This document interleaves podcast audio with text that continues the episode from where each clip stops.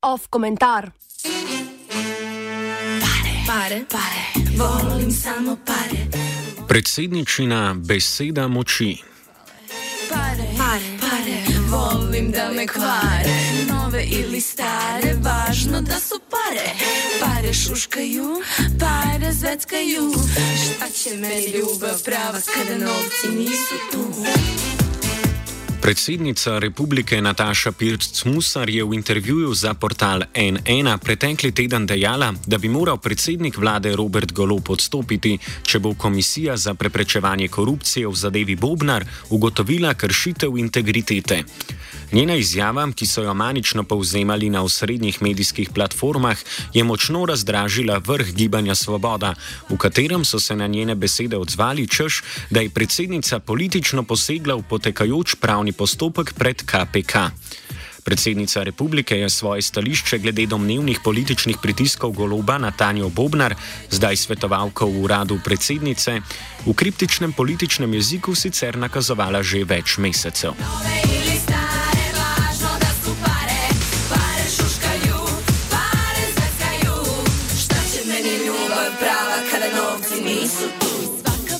Veliko bolj upadljivo in čisto nič kriptično je novinarju Mihi Orešniku odgovorila na vprašanje, ali mora, glede na to, da sta z njenim možem Alešem Musarjem precej premožna, njen soprog zares prejemati povračilo stroškov za upravljeno protokolarno delo v vrednosti približno 850 evrov na mesec.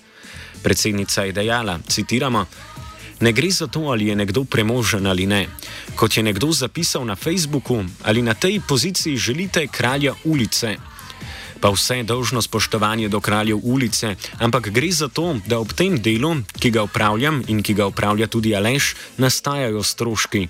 In zakonodaja je v tem segmentu jasna: pripada mu povračilo stroškov.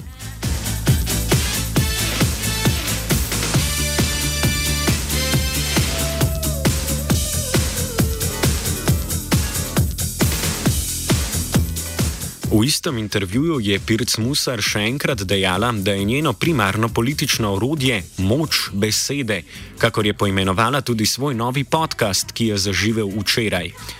Predsedničina moč besede ni nič drugega kot konstrukt, s katerim lahko utemeljuje svoje privilegije in se javno tolaži zaradi praktične nepomembnosti svojega položaja. Že če se ozremo k temu, kar je izrekla v intervjuju za N1, lahko vidimo, da Pirc Musar moč besede uporabi predvsem takrat, ko ji to koristi pri negovanju iluzije zaslužnosti za svoje privilegije. Predsednica je kralje ulice v odgovoru na vprašanje o premožnosti predsedniškega para uporabila zato, da bi v kontrastu s kralji ulice prikazala svojo zaslužnost in ceno tej zaslužnosti, ter obenem opozorila, da je na položaju predsednice lahko zgolj nekdo, ki zna negovati žlahtnost kapitala. na mesecu kada para nema tu? Iz uporabljenega kontrasta lahko razberemo tudi to, da sta revščina in marginaliziranost brezdomnic za predsednico funkcionalni. Pirc Musar pri utemeljevanju svojih privilegijev verjetno ne bi uporabila katerekoli druge marginalizirane skupine, razen brezdomnih. Tudi če bi kdo to zapisal na katerem od družbenih omrežij, se predsednica verjetno ne bi pozicionirala v kontrastu z migrantom, transspolno osebo ali osebo z invalidnostjo. Na podobo kraljev ulice se je v iskanju odgovora ob- obrnila, ker na podlagi zaslužnosti za svoj kapital neomajno verjame v lastno imenitnost. Hkrati njena izjava kaže na zvesto sledenje liberalni doktrini, ki pravi, da so revni sami odgovorni za manjko te imenitnosti. Ravno predsedničino bogatstvo in zmožnost njegove reprodukcije sta namreč tisto, kar je najbolj konstitutivno za njeno javno podobo. Moj džep je stala gušu.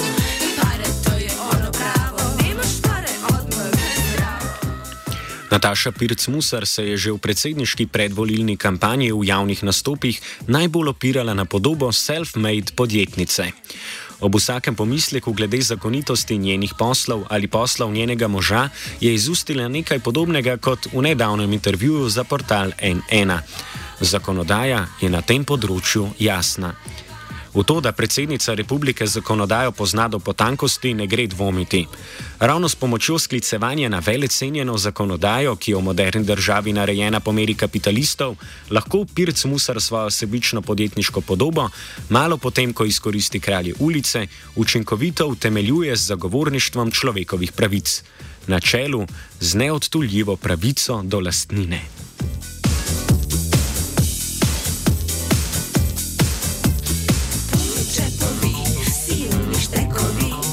Nataši Pirc Musar pri negovanju svoje podobe redko spodleti, a takrat, ko izpodleti, dobimo najboljši pogled v pore njenega načina delovanja. Ob boku nedavnega spodrsljaja s kralji ulice velja omeniti, da je bila Pirc Musar med letoma 2015 in 2016 predsednica Rdečega križa Slovenije. Tudi takrat pa je poskusila storiti nekaj zelo povednega.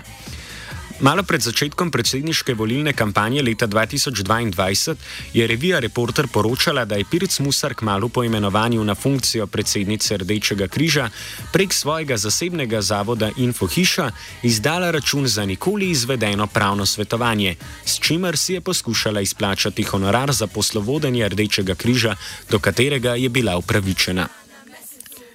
Do plačila na koncu ni prišlo, Pirc Musar pa je zatrdila, da je šlo za nenamerni zaplet. Na okrožnem državnem tožilstvu so kasneje tudi ocenili, da ni bilo utemeljenega suma, da je Pirc Musar storila kaznivo dejanje.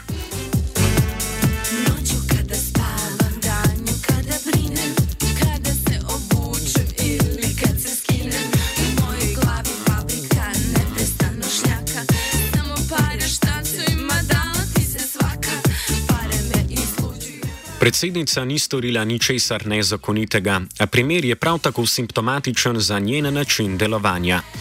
Nataša Pirc Musar nikoli ne prekrši zakonodaje, temveč je njena glasilka.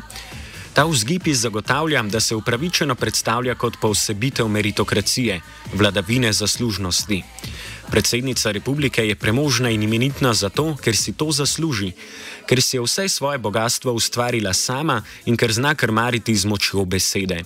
A njena moč besede ni moč diskurza, s katerim bi denimo lahko upozorila na strukturno pogojenost in delo, dedovanje revščine, namesto da revščino retorično uporablja sebi v prid. Njena moč besede je moč tiste besede, zapisane v birokratsko-pravnih predpisih, ki jih bo venomer prignala in izkoristila do njihove skrajnosti, da bi tako utrdila žlahtnost svojega kapitala in imenitnost svoje podobe.